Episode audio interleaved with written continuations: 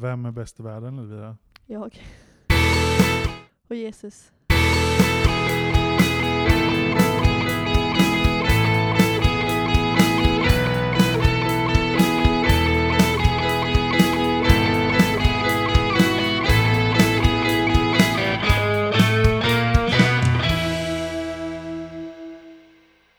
Välkomna till detta avsnittet av Amen. Yay, tack!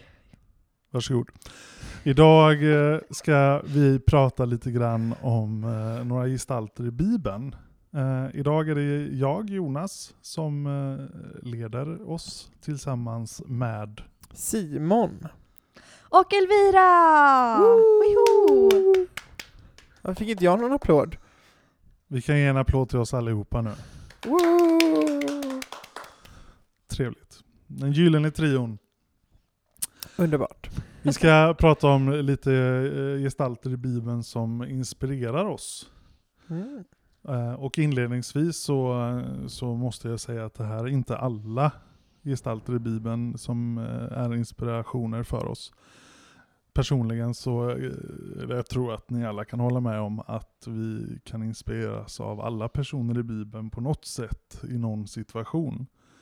Bibeln Ja. innehåller ju ganska många Ja, personer och mycket starka berättelser om, om Guds inverkan i deras liv. Men idag tänkte jag att Simon skulle få börja.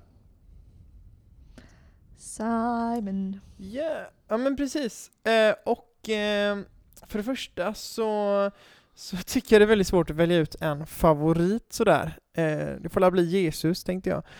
Eh, men eh, Man vi fick hade, inte ta Jesus. Det nej, men vi ett, hade faktiskt det som en liten regel att vi vill sprida någon annan person än eh, Jesus. Det kän- Jesus gillar vi väldigt mycket och det vet eh, många. Det kändes lite för enkelt att ta Jesus. Ja, Mm. ja, det blir ingen utmaning då. Men jag har ju en karaktär som jag har gillat eh, väldigt länge. Eh, som jag tror att jag gillade redan från när jag var liten. Eh, och det är nog mest bara för att han blev uppäten av en fisk.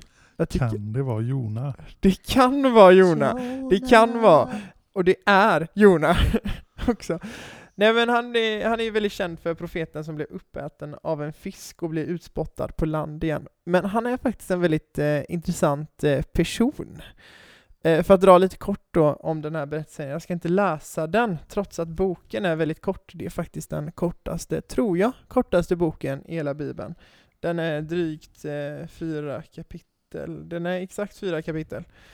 Eh, korta kapitel. Och den handlar ju då om profeten Jona. Eh, det står faktiskt inte att han heter någonting mer, utan Jona. Eh, och han får order av Gud att åka till en stad som heter Nineve, eller Nineve.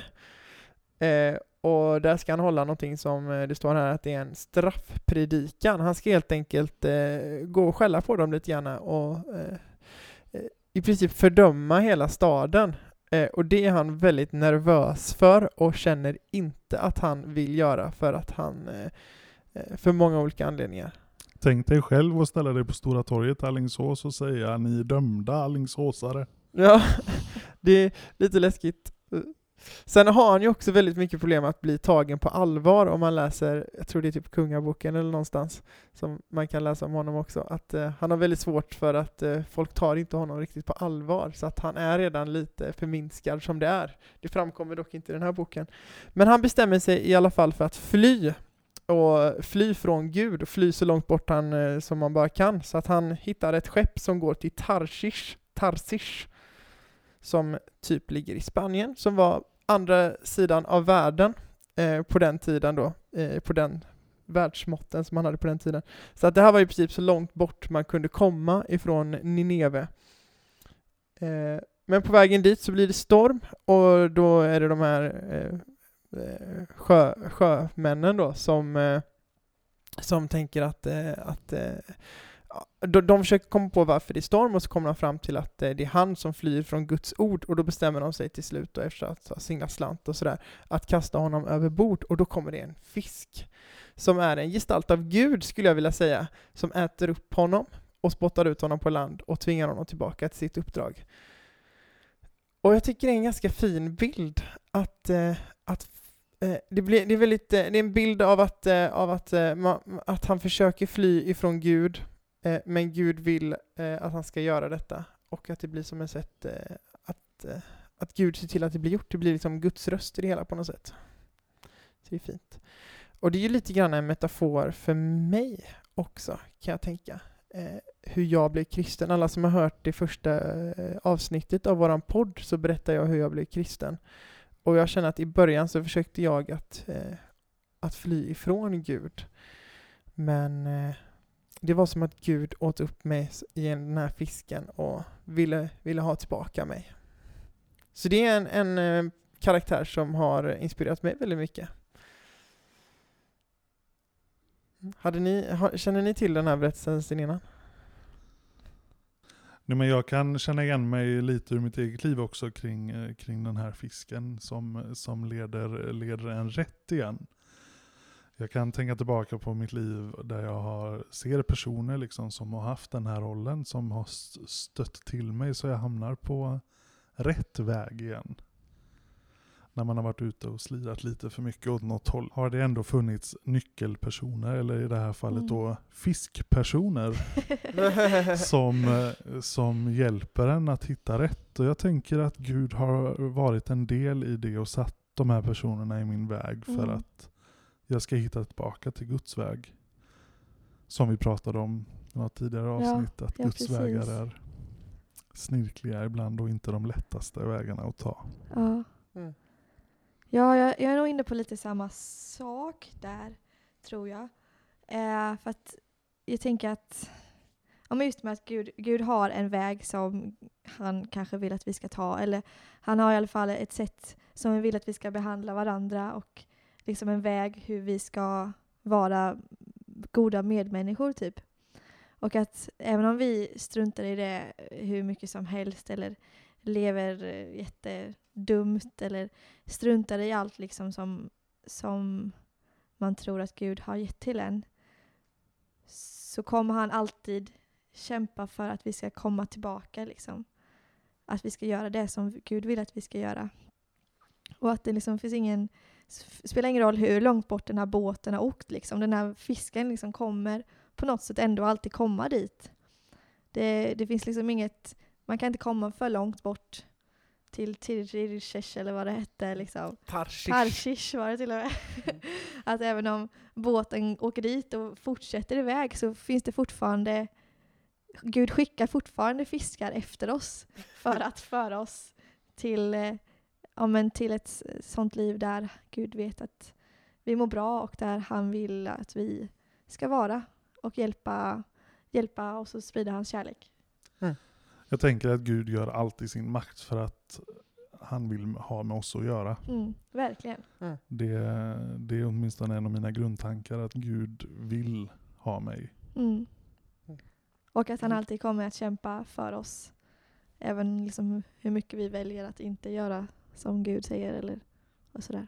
Precis. Det kan ju vara små saker också. Det behöver inte vara stora saker som att fördöma städer och så, utan det kan Nej. vara små saker tänker jag också. Precis. Ja, jag Mm. tänker utifrån mitt liv. Då är det, jag, Gud har aldrig sagt åt mig att jag ska åka och fördöma någon. Liksom, eller att jag ska vara, gå till någon stad och göra någon predikan på något torg. Liksom. Mm. Men just att så här, att man... Eh, Trodde jag. Vad gör du här? Nej men för mig, jag tror att det kan vara eh, små saker som du säger Simon, att det liksom kan handla om att komma ihåg liksom vem man är och vad man kan och vad man har för förmågor. Precis. Men jag tycker, även om det är små saker ibland, så kan det vara väldigt viktiga saker Mm. också. Att och små tuffa saker, saker. Det kan vara svåra saker även om det är små. Ja, verkligen. Absolut. Mm. Så är det ju verkligen. Eh, men jag tänker, ehm, vi ska snart eh, gå vidare till nästa person tänker jag. Men ehm, att eh, det, är väldigt, eh, det är väldigt intressant att se för att eh, det blir ju bra sen i slutändan. För när han väl åker till staden, när fisken har liksom spottat ut honom på land och han kommer till den här staden och ger dem en straffpredikan, då är han ju jätterädd för att de ska börja kasta tomater på honom, eller pilar till och med. Eh, Mm. Att de ska bli sura på honom. Men de tar ju till sig budskapet och tänker på det och försöker bättra sig och leva ett bättre liv. och då, eh, då liksom, eh, då, då, då, då, kom, då, då, då straffar inte Gud dem i alla fall. Nej. Och då blir Jona lite arg. Ja, han blir lite arg däremot. Så är det ju faktiskt. Han blir lite besviken faktiskt. Men jag menar bara att, att det, det blir bra. Mm. Det- Det blir bra om man bara, om man bara följer, följer sin inre röst sådär. Precis. Och även om det kan vara svårt att tro på Gud eller det kan vara svårt att, att följa det som Gud vill att man ska göra och att det kanske är tufft liksom så finns det alltid det liksom grundar sig ändå i att så här, det, han gör det eller Gud har skapat vägar för att vi ska må bra liksom för att vi ska få vara med honom för att vi ska få liksom ha ett bra liv med Gud. Mm. Och att det är väl det Gud kommer inte låta oss försvinna bort liksom bara för att vi följer honom utan att han vill ge oss välgång och lycka på sitt sätt. Jag tänker att vi avslutar eh, med en gammal klyscha där. Du kanske inte tror på Gud, men Gud tror på dig. Ja, Mm. bra klyscha.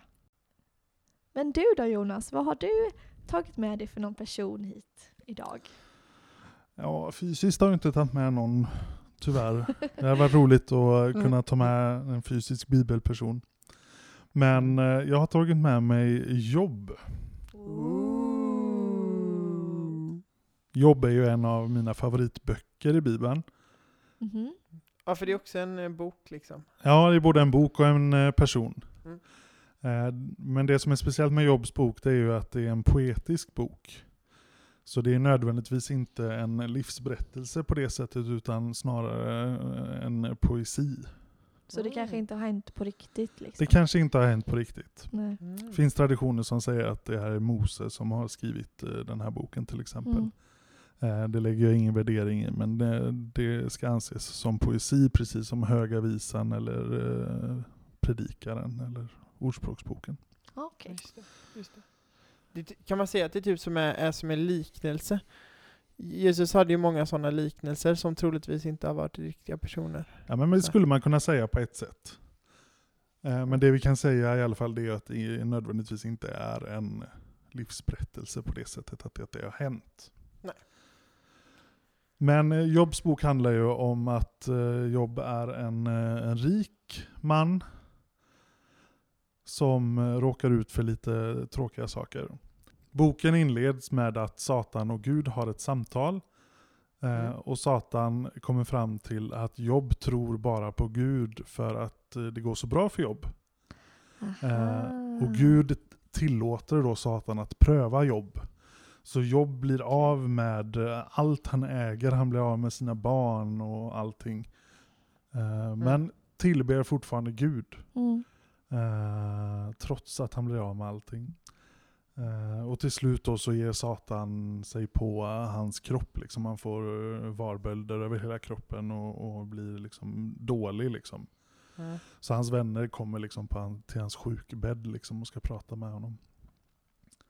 Eh, och hittills har han då fortfarande eh, tillbett Gud. Liksom. Men nu när eh, hans vänner kommer dit så börjar det eh, treva lite grann där med hans tro till Gud. Eh, men eh, sen är det väldigt långa tal som de här vännerna ger. Eh, men i slutändan i alla fall så talar Gud till, till de här vännerna och till Jobb Mm. och tillrättavisar, tillrättavisar dem att de inte vet vad Gud har för avsikter. Och, Gud, och Jobb ber om ursäkt liksom och tillber Gud igen. Eh, och som belöning på allt detta så får Jobb dubbelt av vad han ägde innan Mm. Satan prövade honom. Och eh, det som är väldigt komiskt det här det är att det står att han får tio nya barn.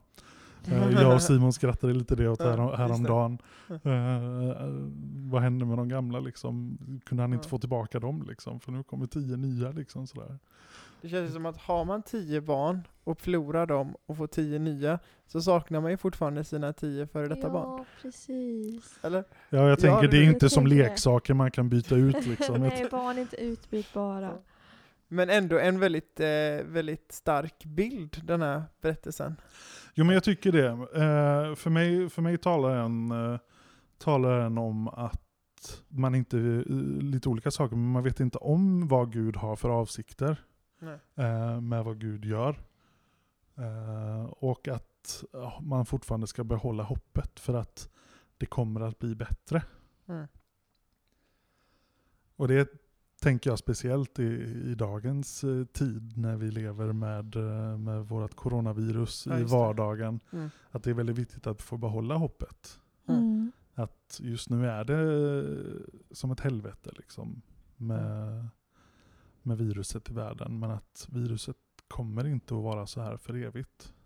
Utan Mm. vi kommer Mm. få det bättre. Precis. Precis.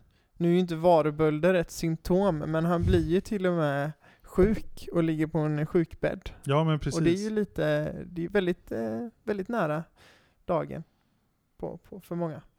Jo men jag tycker ändå det. Och, och även om man inte, man inte blir smittad eller drabbad själv liksom, så lever man ändå på något sätt något sätt av ett, en hotbild hela tiden. Ja men precis. Jag tycker man åtminstone kan läsa sig till läsa sig till att folk känner så. Mm. Att man känner en hotbild av att gå ut. Men Så är det ju. Mm. Så är det. Men det blir bättre helt enkelt. Ja men det är, Det är det min som är eh, bild av, eller min, eh, min tro. Mitt hopp att det en dag kommer bli bättre. Förhoppningsvis ganska snart. Mm. Mm. Får vi hoppas. Jag har redan nu levt med den så pass länge så att det vore skönt om vi kan se en ände på det snart. Just det. Jag läste någon artikel, det kan ha varit fake news, men att eh, jag tror det var Aftonbladet dock, att eh, det har blivit, det har liksom sjunkit lite grann i dödsantal i både Spanien och Italien nu de senaste dagarna bara. Ja men det är, Så det är ju lite hoppingivande i alla fall. Jo men de har ju väntat på den här punkten då dödsantalet ska vara lägre än vad det var dygnet innan. Mm. Och det har ju nått Spanien nu i alla fall. Mm. Inte Eh, Italien. Ja men det vet jag, Eh, Italien vet jag inget Jag om. minns Det inte, jag ska har säkert kommit dit också. Men jag läste just att i Spanien så har det varit så. Eh, Så att förhoppningsvis så kan vi i Europa åtminstone se en, en eh, nedtrappning nu i alla fall av både dödsantal och antal smittade, eller inte antalet men procentuell ökning liksom kan vi se en minskning på. Men det finns ju andra metaforer än corona Ja, eh, i, i den här bibeltexten tänker jag. Det är ju någonting som kan tala till en eh, i våra liv allihopa tror jag. Mm. Att eh, vi gör uppoffringar och att man, man förlorar eh, sitt jobb kanske någonstans för att eh, få ett bättre jobb eller sådär. Att det, det liksom är ändå en dramatisk figur som jag tror alla känner igen sig i sina liv. Ja Mm. men den vanliga sänkan liksom att, att man går ner på något sätt liksom så här. Det kan vara depression eller att det eh, händer en kris i livet. Eh, liksom en nedåtgående kurva. Men Mm. nedåtgående kurvan förblir inte nedåtgående resten av livet. Nej, men precis. Mm. Det är den bilden man måste, man måste, man måste skaffa sig och man måste få. Att kurvan går upp igen. Mm. Mm. Verkligen. Precis. Jag, eh, jag hade en vis lärare som sa någonting väldigt bra som jag har bärt med mig. Som, eh, han, han målar upp eh, utveckling som en trappa. Att man tar ett trappsteg när man utvecklas och ett till trappsteg när man utvecklas och ett ännu till trappsteg när man utvecklas lite till. Eh, till exempel eh, när man lär sig att spela gitarr till exempel så tar man tydliga trappsteg, att man känner att nu klarar jag av att spela så här snabbt, så här snabbt. Och i slutet av varje trappsteg så finns det ett litet dike som innebär att man, eh, man går ner lite grann i självförtroende eller att man kanske känner att man inte spelar lika bra eller att man mår, man mår dåligt av att spela en liten stund. Men det är liksom ett tecken för att man faktiskt tar ett trapp, trappsteg vidare. Det är början på det uppgående liksom, trappsteget. Mm, precis. Det påminner lite om det. Och så tror jag det kan vara mycket eh, i, i, i många aspekter i livet. Att eh, om man känner att någonting känns tungt och tråkigt och man borde älska det, så kanske det faktiskt är ett tecken på att man håller på att ta ett steg, eh, ett steg framåt. Och framåt är den enda riktningen vi kan gå i livet. Fortsätt simma, fortsätt simma, fortsätt simma, simma, simma. Vad är det Elvira? Hitta Nemo! Ja, det är Doris Ja. Jag vill ju få alla de här fiskarna. Ja precis, jag, jag vet inte varför jag kom att tänka på det.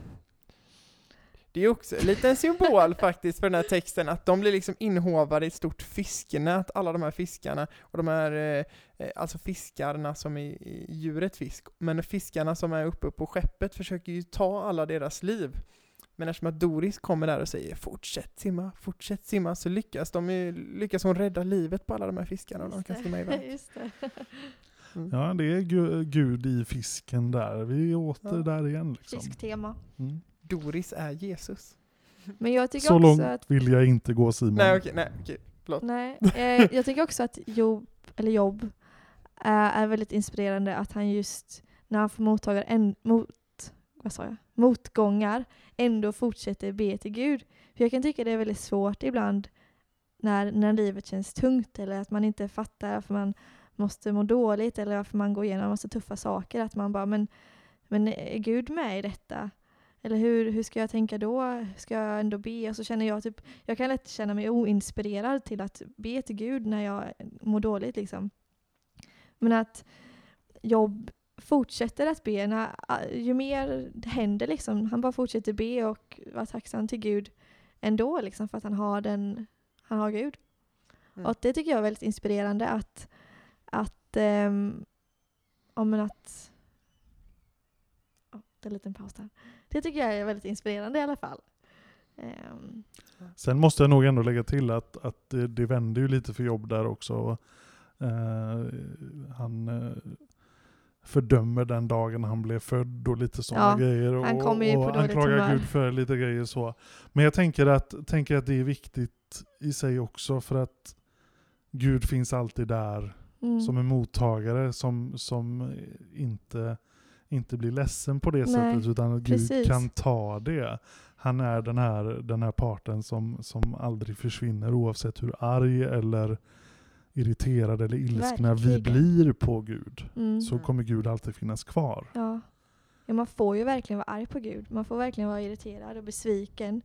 Och det är liksom helt okej, för vi förstår inte den stora planen alltid. Och då är det, våra känslor är ju helt okej att känna. Och det är viktigt att komma ihåg det, att, att man får känna känslor.